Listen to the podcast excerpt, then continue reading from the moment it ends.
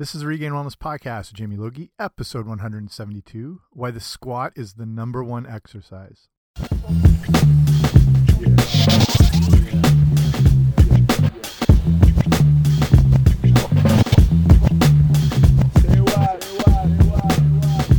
Hey guys, what's happening? Welcome back to the podcast, or welcome if you're new. Thanks for coming on out. I'm Jamie. I run regainedwellness.com, and this is Regained Wellness Podcast. And today is all uh, specifically fitness related.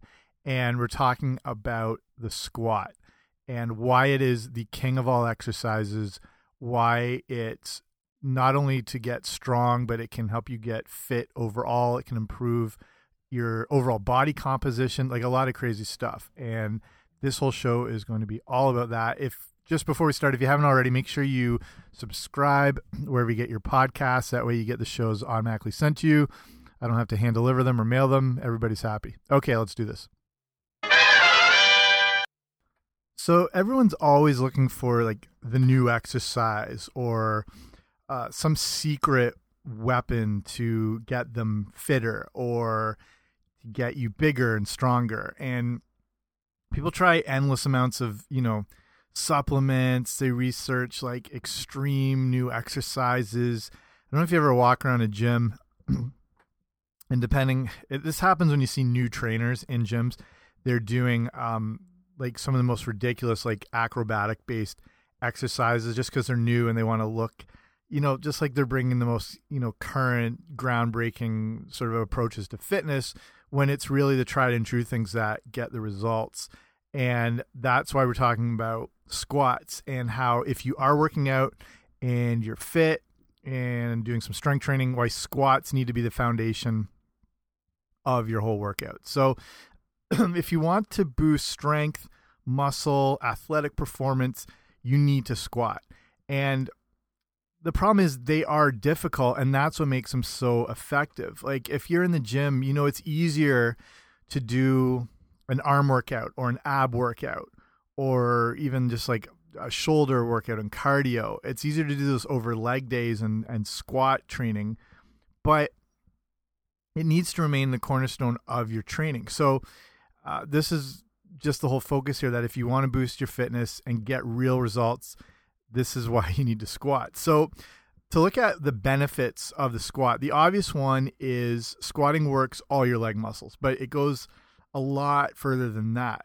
Squats can build up basically your entire body because of the demanding nature that it takes just to perform them. So when you when you do a like a barbell back weighted squat, it creates a real anabolic environment in your body and that provides body wide muscle growth. It's like when you are doing a squat, a free weight barbell squat, um, weight squat, it puts your body into a super defensive position and it activates your sympathetic nervous system. This is kind of like your fight or flight mode. Um, I don't know if this goes back to our ancient days of like, you know, strapping some dead animal on your back and or having to carry someone out of danger. Basically, it creates this surge of things like testosterone, growth hormone, and both of these are vital for muscle growth. And you hear about, you probably hear about like growth hormone when it comes to illegal drug use and baseball players and bodybuilders, but it's in your body. It is, uh, uh, you know, obviously a naturally occurring hormone, uh, very important, and it is seen to be one of those hormones that they consider sort of the fountain of youth. Uh, when you have a good, um, stable range of growth hormone, it does prevent like premature aging and stuff. And when it does plummet too low, that's you know when the effects of aging can kind of rapidly uh, be enhanced. So these are good things you don't want to worry about. And when it comes to you know fitness and muscle and everything like that, this elevated hormone level from doing exercises like squats will help you build uh, muscle mass in other areas of your body besides your legs. You can get the same effect from um, other big compound movements like uh, deadlifts is another good way to boost natural growth hormone levels uh, bench presses to a certain extent, but like nothing, nothing touches um, the output from the body like uh, barbell squats. Even when they look at what they call heart rate variability, if you do, and this is, and when it's you know these increases in in the heart rate variability and without getting too deep into it um, that happen that that's related to the you know the sympathetic nervous system and the growth hormone output and all that sort of stuff if you have one of those uh, monitors that is measuring the heart rate variability and you're wearing it through all sorts of things from walking upstairs to putting groceries away to doing a 100 meter sprint to um, boxing to whatever nothing nothing um, has as much impact as a bodyweight squat. It just takes the cake as far as that and that's what activates that sympathetic sympathetic nervous system and the accompanying uh, hormone releases and everything like that. So squats are also going to help your athletic performance as your ability to run and jump is now significantly improved. And the, you know that's obviously sounding very sport specific and you might not be an athlete or whatnot but this uh, this has a carryover to everyday life. You know it, this can make day-to-day -day activities much easier as squats will help you build balance, strength, um, coordination. If it's, uh, you know, you're playing with your kids or your grandkids, uh, it helps in picking them up and balance. Or if you're just like simple mundane tasks like putting, like say, taking groceries from the car into the house, you just have more stability. You're less likely to injure yourself. You have a better base uh, of strength. It just it it truly has this carryover effect. I mean, as humans, we're meant to be on our feet all the time, and we need a strong base, like a real core, not not just like your core abdominal muscles, but like a base core as far as leg strength, um, uh, for just stature and mobility and everything like that. So when we're looking at the actual squat and the muscles that are used, there are a lot. So I mean, the main ones you're going to work, you know, your thighs and your hips and your glutes um, you hit all of your quads. So you got your vastus lateralis, your vastus medialis, the vastus intermedius, and the rectus femoris. You're working your hamstrings. You're working, um, you know, beyond these big muscles. Squats are also going to help you strengthen your bones, uh, your your tendons, uh, ligaments throughout your entire lower body. Even just like your your muscles in your feet and your ankles, um, and just the stability and all these little stabilizer muscles, everything jumps into action when you're doing a squat. So let's look at how to properly do a squat. So, I mean, obviously we're listening here, so this is a bit tougher, but it's more about giving some pointers that you can take. Um, if you go to the show notes today, so regainedwellness.com slash 172, that's got more information and stuff. And I'll put some um, videos just to, you know, just some quick like YouTube clips just to see it. I mean, you you know what a squat looks like and and how it should be, and it's just something you can look up easily yourself. But this is so even though this is an audio format, I'll, I'll give you some pointers just to think about. So the funny thing is, like with any of these big compound movements, like deadlifts or bench presses, it's a very simple motion. Like with a squat, you basically squat down and stand up. That's all there is to it. But there are a lot of little things to make it um, more perfected and to avoid injury and to engage your body properly. So, on any day where you'd be doing squats, first thing you want to do is start with a good five ten minute warm up. You need a real you need you need good blood flow to the muscles and get your heart rate up. So, uh, you know, you can use a stationary bike. It's a great way to do this. Um, you can also, you know, throw in some dynamic stretching, and that that's just simply doing things like leg swings. Um, you know, if you're to stand facing a wall with your hands up again against it, taking one leg at a time and swinging it side to side for you know 15 to 20 reps. Switch to the other one, and then if you have enough room, um, doing like knee kicks where you swing your knee up like you're trying to hit yourself in the chest, then swing it right back where you're trying to get your heel up to touch like the ceiling. Um, same thing, like 15 to 20 of those it's again it's another it can serve as part of a warm up it also increases blood flow to the muscle um, engages the muscle. The dynamic stretching is awesome um, and should, it, it's stretching is kind of the wrong term there because it's a full like activation and use of your muscles uh, so you know they they work well thrown in at the start of of workouts. So squats then if you're doing um, uh, whether it's a full body workout a just a specific leg day. Squats are best done at the start of your workout when your strength levels are at their highest. Same thing with those other big compound movements. If you do deadlifts and that's on like say an upper body day or you're doing various split workouts or whatever, save that for the first exercise while your strength's at its highest. Same like with bench presses, big compound movements. Try and put them earlier on when you're a little fresher and a little more engaged. So here are some of the main pointers. Let's look at uh, foot position is going to be just about shoulder width apart. When you go, when you line your feet up with your shoulder, that's going to give you your best base of stability.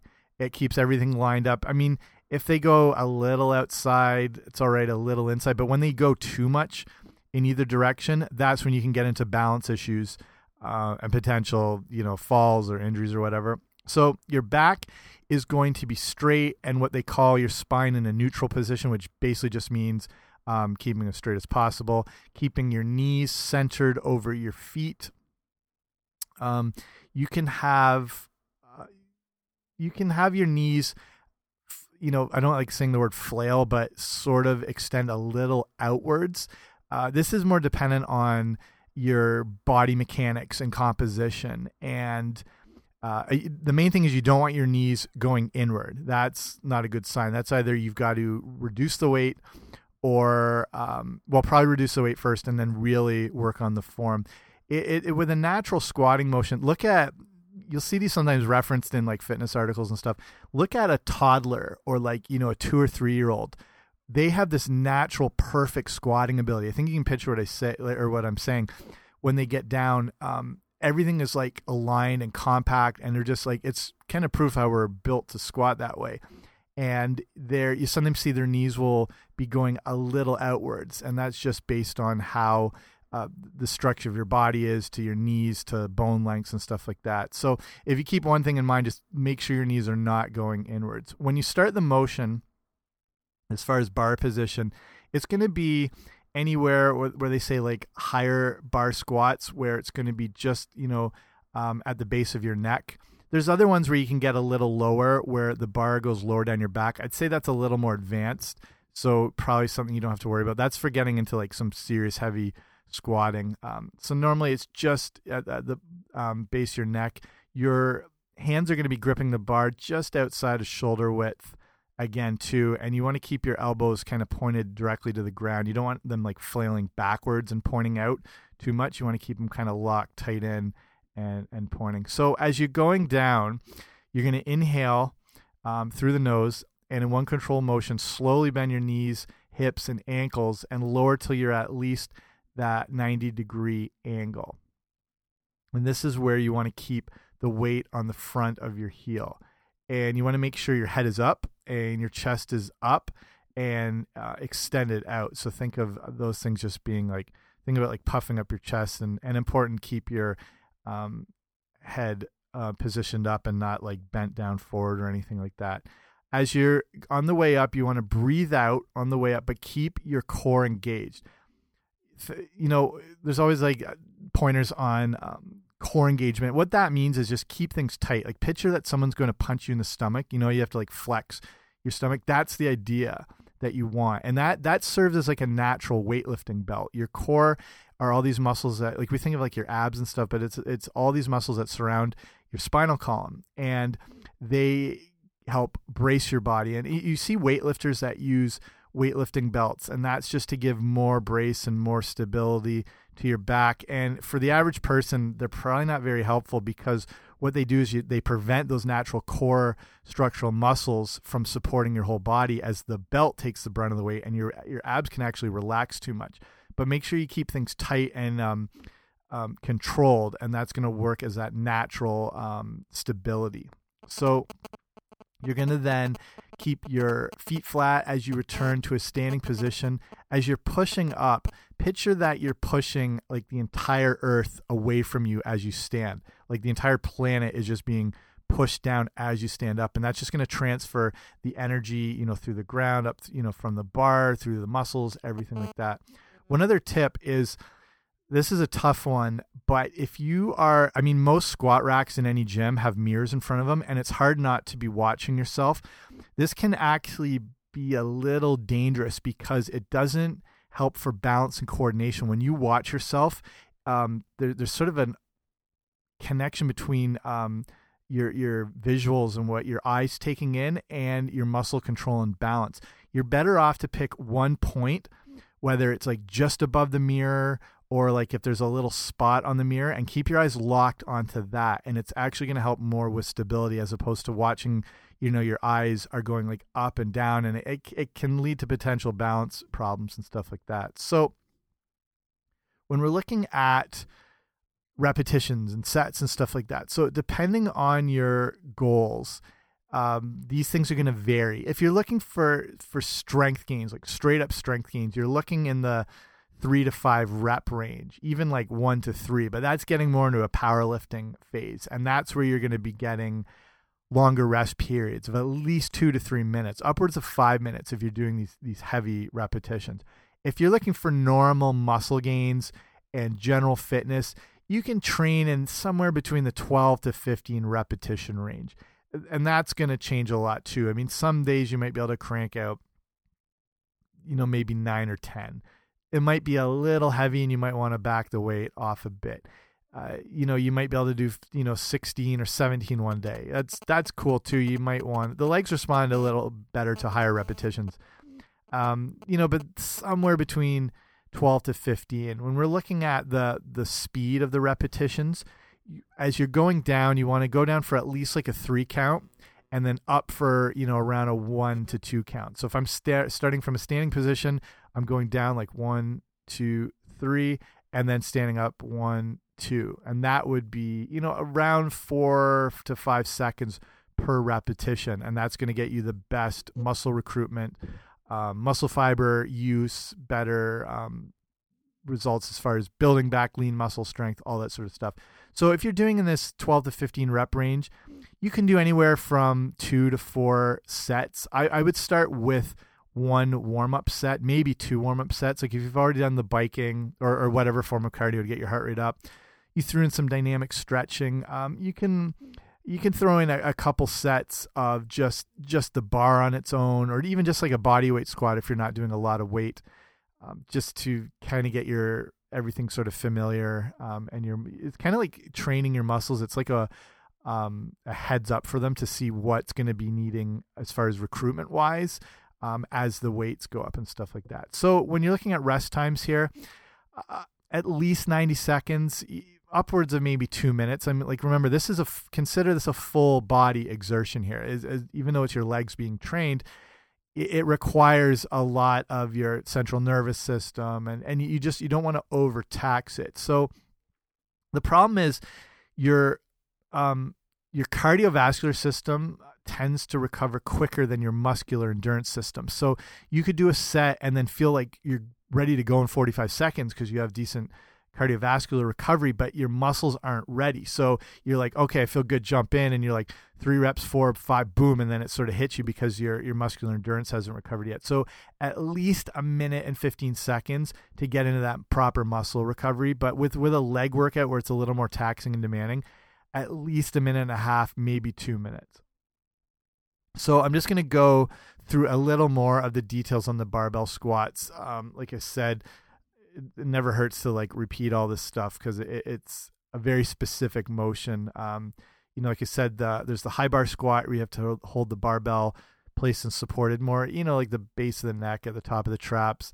The low bar, it sits down. Your elbows are going to be really pulled in, but I said a little more advanced. But the, the, the differences are um, when you're looking for muscle recruitment. The high bar squat, which is is the normal way, it's going to build more muscle in your quads and your glutes, and it's going to translate well over to other lifts and activities and sports and stuff like that. So you're not always able to squat as deep, um, and you well, you know, it will actually let you squat a bit deeper, but it may not let you able uh, to squat as much weight compared to a lower bar squat. Um, it allows you more weight, but it also incorporates the hamstrings more than a high bar squat. And the low bar squat may be better if you have bad knees, as it creates a better balance around them. So that's something you'd want to look into a little deeper and research if you have those knee issues. So it doesn't always have to be the bars. Um, you can do bodyweight squats. It, it, it follows the same steps as outlined um, that I just shared, but without the bar. So there's a few things you can do as far as your hand placement if you do a bodyweight squat. You can cross them across your chest. You can clasp them just together in front of you, like you're praying, um, or even hold them above your head if you want to make them even more intense. So the the cool thing with a bodyweight squat is you can make it more of an athletic movement because you can add in like a jump squat, like exploding out of the bottom and extending upwards, and then a controlled landing into the descent lowering phase. So that's an awesome workout right there. So if you're wondering how much you should squat, it's a tough one again. It's like any other skill. You need to regularly regularly do it to progress and improve on them. So there um you know, it's there are many factors again how much these are always tough to answer like how much you should be able to squat. It's dependent on your age, your your sex, your experience lifting, your body weight, your physical makeup. But if you're progressing, uh, you know, rule of thumb, you should be able to squat at least your body weight with good form for one repetition. If you're starting out, a good standard is to squat 75 to 80% of your body weight. Just if you want to test, you know, as you get more advanced, you may be able to squat your body weight plus 40 to 60% of your body weight for one repetition. But like I said, when it comes to like the the reps, if you're doing sets of, you know, 12 to 15, it's choosing a, a weight where around 15 like I said, 12 to 15, you're like, ah, that's about enough. You might be able to do a couple more. These you don't want to go to failure on because that can be pretty dangerous. Something that's challenging and stopping just short of being able to do at least one or two more. That's that's a good rule of thumb there. Few other variations of the squat. Um, regular free weight barbell squats are the king of exercises, but if you want to mix it up, there are other versions you can do. Same principles really apply when you execute any form of squatting motion. So, like, and some of the benefits that come, like the bodyweight squats, they will allow you to do more repetitions and burn more calories. So that's the advantage there. You've got a goblet squat, which you've seen probably when you know people hold a dumbbell or a kettlebell kind of up under your chin uh, and close to your chest. That's good for balance and coordination. There's front squats. So this is when you switch the emphasis more towards your quads. You you have to cut down the weight, and the position of the bar is where you rest it on your front um, shoulders. You use a shoulder width grip and you kind of swing your elbows up underneath so they're pointing upwards and forwards and you hold it there. This is something you, a little more advanced, but a very good way to just make it more of a quad workout. There's overhead squats. These are pretty nuts, um, but they really help in balance, core strength, muscular control. It's basically when you press the barbell overhead with a pretty wide grip um, with your hands that'll be closer to where the weights would go on, where the, the cuff part is. You're going to keep the bar over your center, center of gravity while you squat.